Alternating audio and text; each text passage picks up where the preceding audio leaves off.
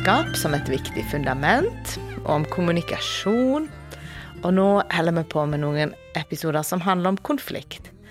Og i dag har vi litt ekstra fokus på det at vi er så forskjellige. Ja, men vi er bare så utrolig ulike, vi. Og er, vi er bare så forskjellige. Den har jeg hørt mange ganger, og jeg har tenkt det sjøl òg.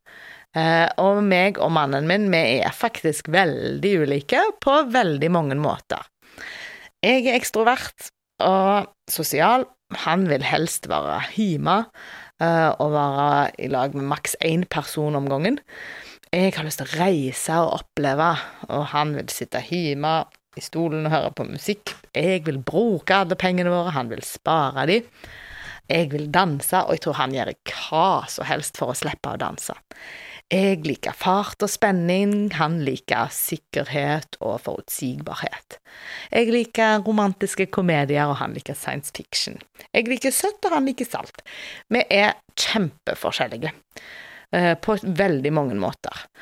Og det å finne ut av hvilke områder dere er forskjellige på, og holde det fram som hver sine subjektive sannheter, det er faktisk veldig viktig.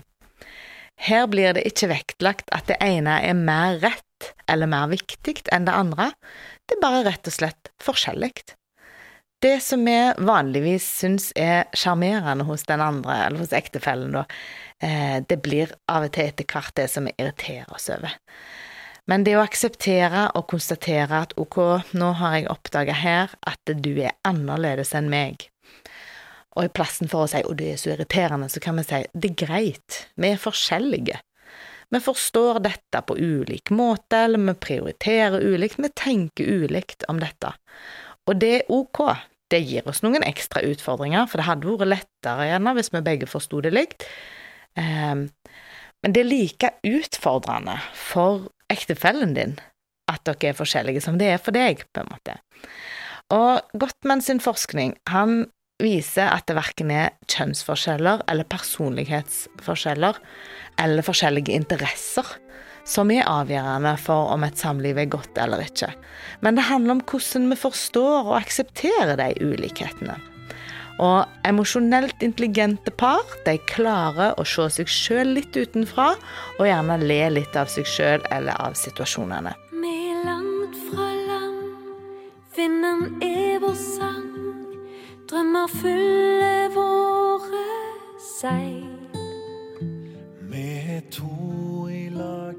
Og en litt kjekk måte å finne ut av personlighetene våre på, det er gjennom en personlighetstest. Og da kan jeg anbefale Meyer-Briggs type indikator. Det, på, det, finner du på internett om du googler litt.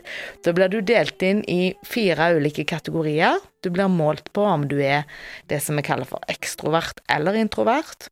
Om du er logisk eller intuitiv. Om du er tanke- eller følelsesorientert. Om du er strukturert eller fleksibel. Og her kan du få en beskrivelse som setter deg sjøl inn i en kategori da er det litt ufarlig å kunne le litt både av seg sjøl og av partneren din. Og for oss har iallfall det vært både nyttig og kjekt.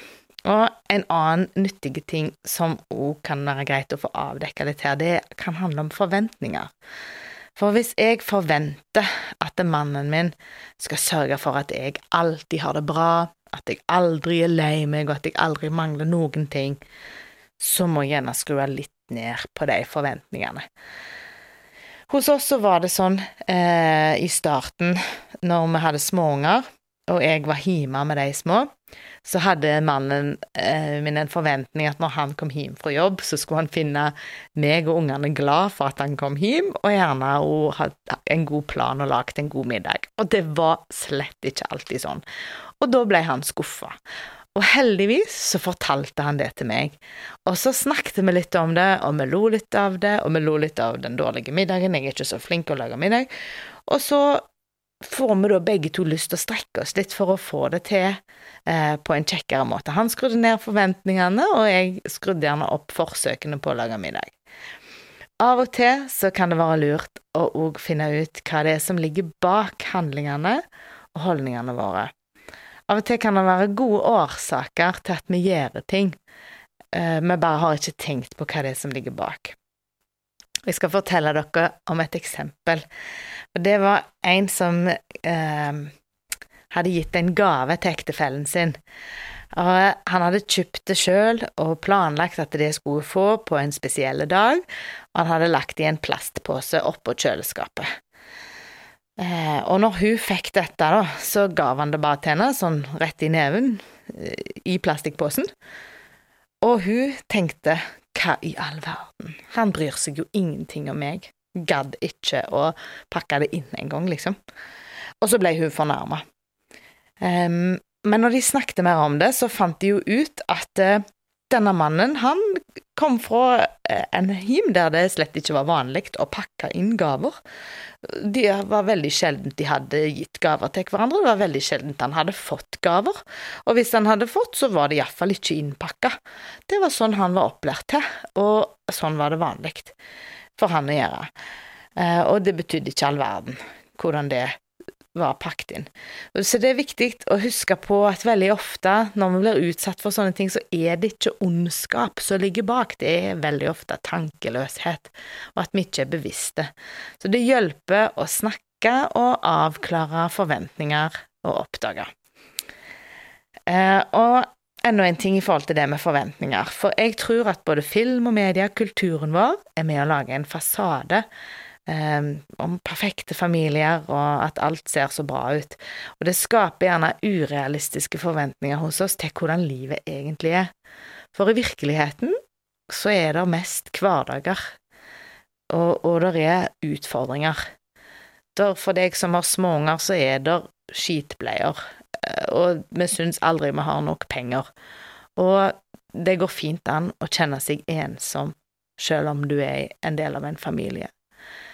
Det å kjenne på tomhet. Det å kjenne på var dette alt, og hvorfor er jeg ikke lykkelig nå? Jeg har jo alt. Jeg tror at den tomheten som vi kan kjenne på, det er ganske vanlig, og jeg tror at det er det er Gud som har skapt oss sånn. Han har lagt evigheten i hjertene våre, står det i salmene, og vi er skapt til å være i relasjon med Gud og med hverandre. Eh, og når vi ikke er i relasjon med Gud, og heller ikke i god relasjon med hverandre, så vil vi kjenne at det er noe som mangler. Oppsummert for i dag så kan vi si at det er nyttig å oppdage og akseptere ulikheter. Ta gjerne en personlighetstest og le litt av resultatet sammen. Forsøk å ha realistiske forventninger og snakk om det. Jeg har så lyst til å si at det er mulig for alle par å få det bedre sammen. Til og med eh, om det bare er den ene som vil, og som har lyst til å jobbe med forholdet, så er det mulig å få det bedre sammen. Fordi vi påvirker hverandre uansett. Lykke til, folkens. Gjennom alt skal vi holde hender, skal være to.